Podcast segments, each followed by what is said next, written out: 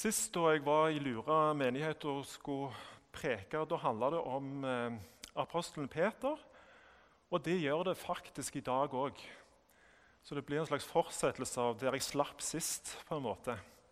Det skal handle om Peters fall, og så skal det handle om hans oppreisning. La oss høre Herrens ord. Det står skrevet i Johannes evangeliet i det 21. kapittel. Siden åpenbarte Jesus seg enda en gang for disiplene ved Tiberiasjøen. Det gikk slik til. Simon Peter, Thomas, som ble kalt Tvillingen, Nathanael fra Kana i Galilea, CBDU-sønnene og to andre av disiplene hans var sammen der. Simon Peter sier til de andre, 'Jeg drar ut og fisker.' 'Vi blir også med', sa de. De gikk av sted og steg i båten. Men den natten fikk de ingenting. Da morgenen kom, sto Jesus på stranden, men disiplene visste ikke at det var han. Har dere ikke noe å spise, barna mine? sa Jesus til dem. Nei, svarte de. Kast garnet ut på høyre siden av båten, så skal dere få, sa Jesus. De kastet garnet ut og nå klarte de ikke å dra opp. Så mye fisk hadde de fått. Disippelen som Jesus hadde kjær, sa da til Peter.: Det er Herren. Da Simon Peter hørte at det var Herren, bandt han kappen om seg, den han hadde tatt av, og kastet seg i sjøen. De andre disiplene kom etter i båten og dro garnet med fisken etter seg. De var ikke langt fra land, bare omkring 200 alen. Da de var kommet i land, så de et bål der, og det lå fisk og brød på glørne. Kom hit med noen av de fiskene dere nettopp fikk, sa Jesus til dem. Simon Peter gikk da om bord i båten og trakk garn i land. Det var fullt av stor fisk, 153 i alt. Men enda det var så mange, revnet ikke garnet. Jesus sa til dem, 'Kom og få mat.' Ingen av disiplene våget å spørre ham, 'Hvem er du?' De visste at det var Herren. Så gikk Jesus fram, tok brødet og ga dem. Det samme gjorde han med fisken. Dette var tredje gang Jesus åpenbarte seg for disiplene etter at han var stått opp fra de døde.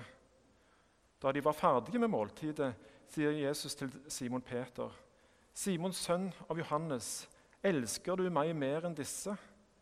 Han svarte, 'Ja, Herre, du vet at jeg har deg kjær.' Jesus sier til ham, 'Fø lammene mine.' Igjen for andre gangen sier han, 'Simon, sønn av Johannes, elsker du meg?' 'Ja, Herre, du vet at jeg har deg kjær', svarte Peter. Og Jesus sier, 'Vær gjeter for sauene mine.' Så sier han for tredje gang, 'Simon, sønn av Johannes, har du meg kjær? Peter ble bedrøvet over at Jesus for tredje gangen spurte om han hadde han kjær, og han sa, 'Herre, du vet alt. Du vet at jeg har deg kjær.' Jesus sier til ham, 'Fø sauene mine.' Slik lyder det hellige evangelium. Det er ulike perspektiver vi kan anvende på en sånn fortelling som, som vi nå leste. Sånne fortellinger inneholder ofte en skjult symbolikk, eller mye skjult symbolikk. Og En sånn type symbolikk som jeg merke, har tenkt over denne gangen, er det litt pussige hvor det står at, Jesus, nei, unnskyld, at Peter eh, tar på seg kappen og hopper i vannet. Det, han er naken før han hopper i vannet, og så tar han på seg klærne idet han hopper uti. Og Vanligvis når vi hopper ut i sjøen, så gjør vi det jo motsatt. Vi tar av oss klærne, og så legger vi på svøm. Så har jeg lagt merke til at det er noen bibelforskere som spør seg hvor er det vi hører om nakenhet ellers i Bibelen. Jo, det er jo i første Mosebok, eller i syndefallsberetningen, med Adam eh, og Eva de eh, før, de har spist av kunnskapens tre, så er de nakne. Men når de spiser av kunnskapens tre, tre så um, og, og, de blir sett av Gud, så skammer de seg, og de skjuler seg bak et fikenblad. Så hvis det er en rimelig tolkning, sant, så handler jo dette òg om Peter som på en eller annen måte bærer på en skam som han dekker over. Um, og Hvis det handler om skammen på den ene sida, så tenker jeg at teksten som vi leser i dag, også blir en fortelling om Peters oppreisning. Og Fallet det kan beskrives på denne måten, sånn iallfall jeg tenkte. Jeg prøver nå å um, gjenfortelle litt, uh, parafrere litt fra Bibelen, eller bibeltekster, og så leser jeg de litt direkte og kommenterer litt innimellom. Og Peter han var en stor mann, tenker jeg sånt, i utgangspunktet. Han var en fysisk stor mann. Han var sterk, han var en fisker. Han hadde et stort hjerte.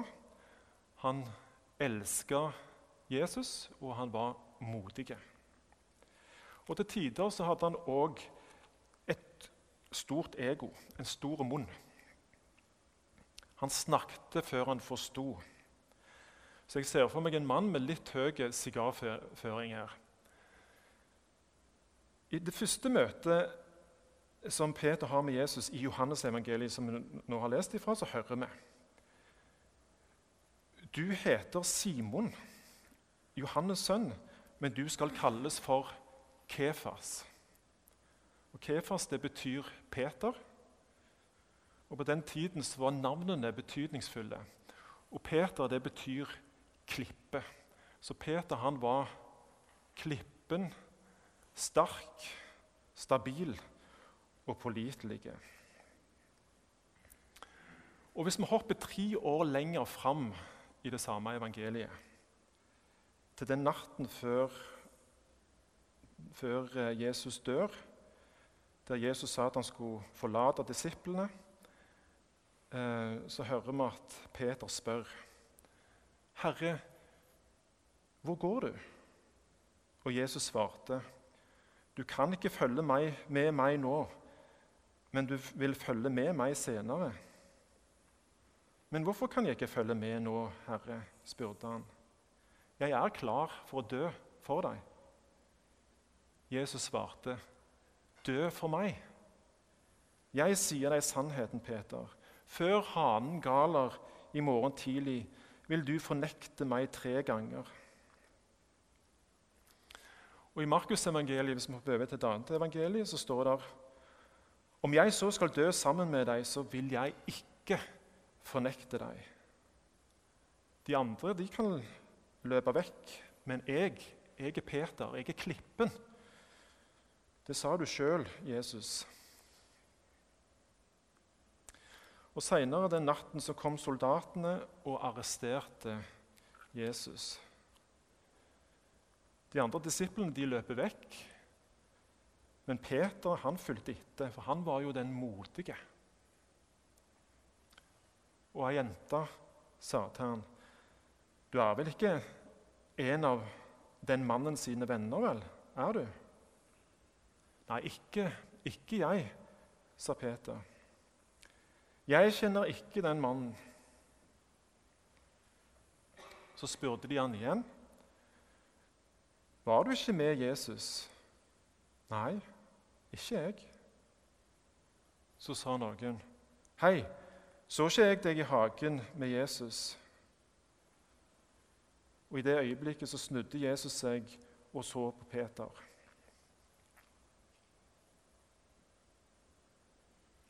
Peter gikk ut og gråt, står det i Lukas evangeliet. Klippen var knust som sand.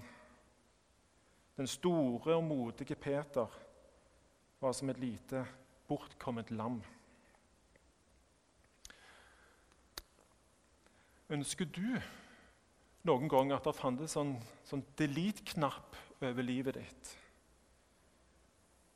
En mulighet til å klikke på angre- eller avbryt-knappen for å ta tilbake noe du har sagt eller noe du har gjort. Det gjorde garantert Peter òg. Så er det en gammel historie som sier noe om at når Peter gikk forbi folk, så etterapte de lyden av en hane, og så lo de. Peter han kunne aldri glemme fiaskoene sine. Når han kjente lukten fra en grill, så brant skammen i han. Så kan vi kjenne oss igjen i Peter, i skammen, i det å komme til kort. På en måte så tenker jeg at Peter også blir en sånn arketype for oss alle sammen. I alle fall så greier en, en åndelig veileder som heter Rikard Raar, ut om dette i en bok som heter 'Falling Upwards'. Jeg tror jeg nevnte den òg sist jeg var her og snakket om Peter. Um, og I den boken så beskriver han liksom menneskelivet i to faser. Det er to hovedfaser i menneskelivet, sier han. Den første halvdelen av livet det er den hvor vi bygger opp vår identitet og etablerer oss i verden. Og i den andre halvdelen det er der vi utforsker en, en dypere mening med tilværelsen eh, og åndelig vekst. Og Begge halvdelene er viktige, men de er nokså forskjellige. Og så er det ikke sånn at det, det nødvendigvis handler om kronologisk alder, men at eh, det handler om liksom, ulike måter å være på eh, i livet. Sånn at I den første halvdelen av livet så lærer vi om sosiale normer.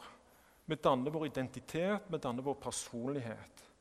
Og skaper en sånn sikker, en prøver å skape oss i alle fall en sikker identitet. Så sånn sett kan vi si at Peter sitt yrke som fisker eh, kan bli en sånn en identitet.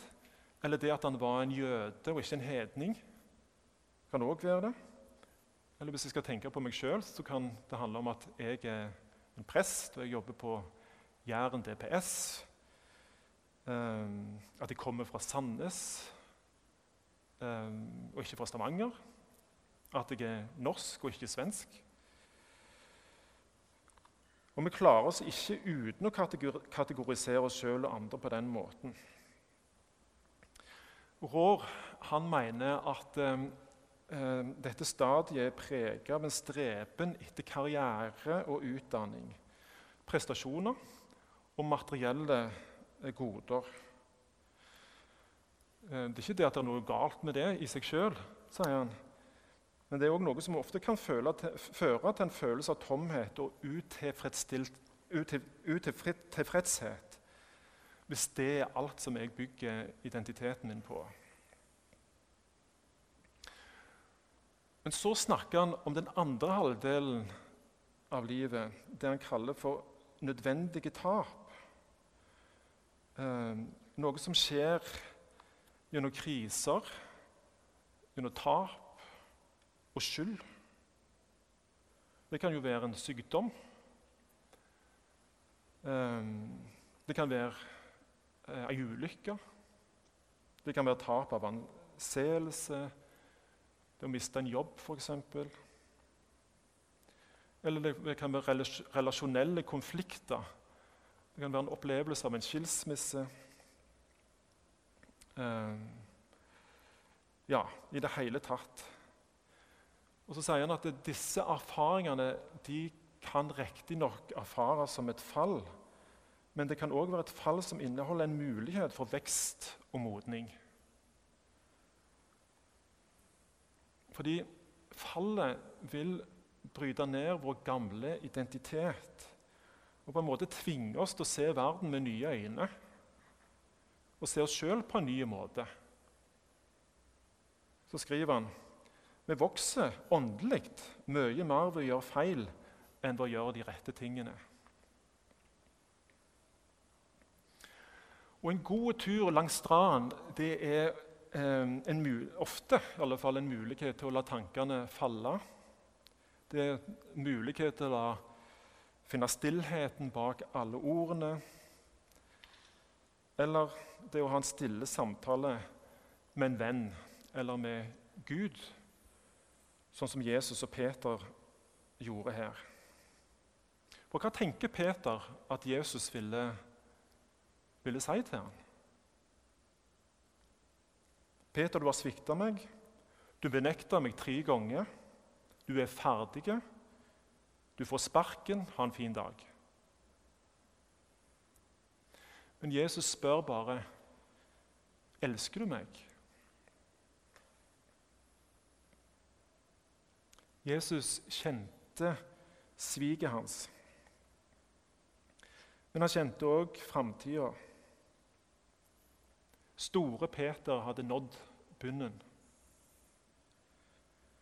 Men når alt menneskelig håp er dødt, da er det òg tid for oppstandelse.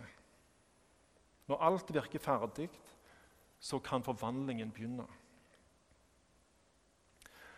Og Fortellingen om Peter den fortsatte. Han var en klippe. Ikke fordi han var stor og sterk, men i erkjennelsen av hans egen svakhet. Og Legenden den forteller at Peter virkelig fikk mot i livet. At han døde sjøl som et resultat av å bringe evangeliet videre, sånn at flere skulle få erfare den styrken som han sjøl hadde opplevd i møte med Jesus. Så avslutter jeg nå med en fortelling av Rikard Raar igjen, som jeg vet jeg nevnte sist òg, men jeg eh, tenkte han var så, passet så godt at eh, jeg kunne fortelle det en gang til. Eh, han forteller jo at eh, i legenden om Peter så, eh, så heter det òg at han, ja, han, døde etter forfølgelse, en martyrdød, men òg at han ble begravd. Og at Der Peterskirken står i dag, der er apostelen Peter begravd under alteret. Så det var, jo, Man har lenge tenkt at det var en legende, og jeg har iallfall tvilt på at det var noe i det. Men så var det ark arkeologer som begynte å grave under alteret i, eh, i Peterskirken. Utrolig nok så fant de noe der. De fant rester av bein eh, av en mann som stamte fra det første århundret etter Kristus.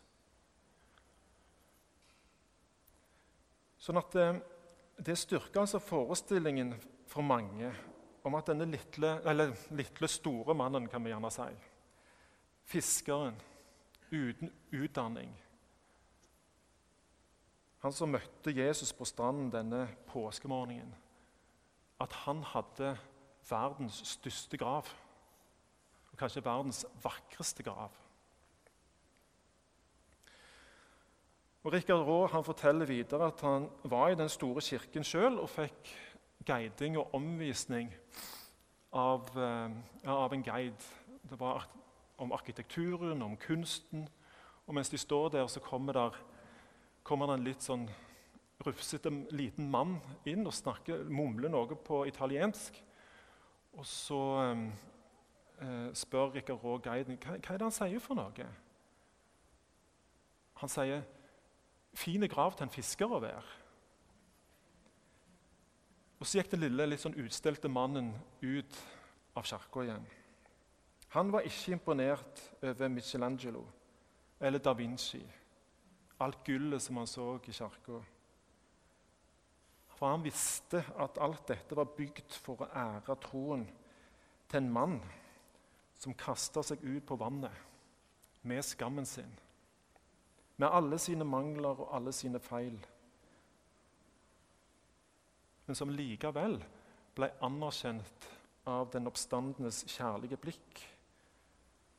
Så lot han få lov til å kjenne styrken i sin egen svakhet og erfare et fall som gikk ikke nedover, men oppover.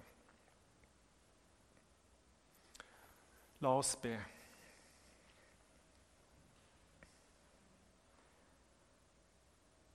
Herre, vi ber om at du gir oss mot til å erkjenne vår egen sårbarhet.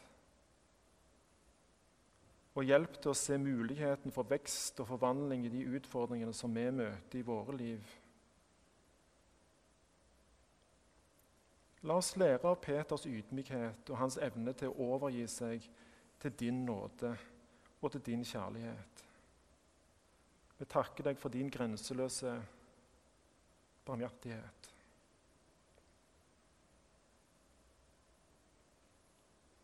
Amen.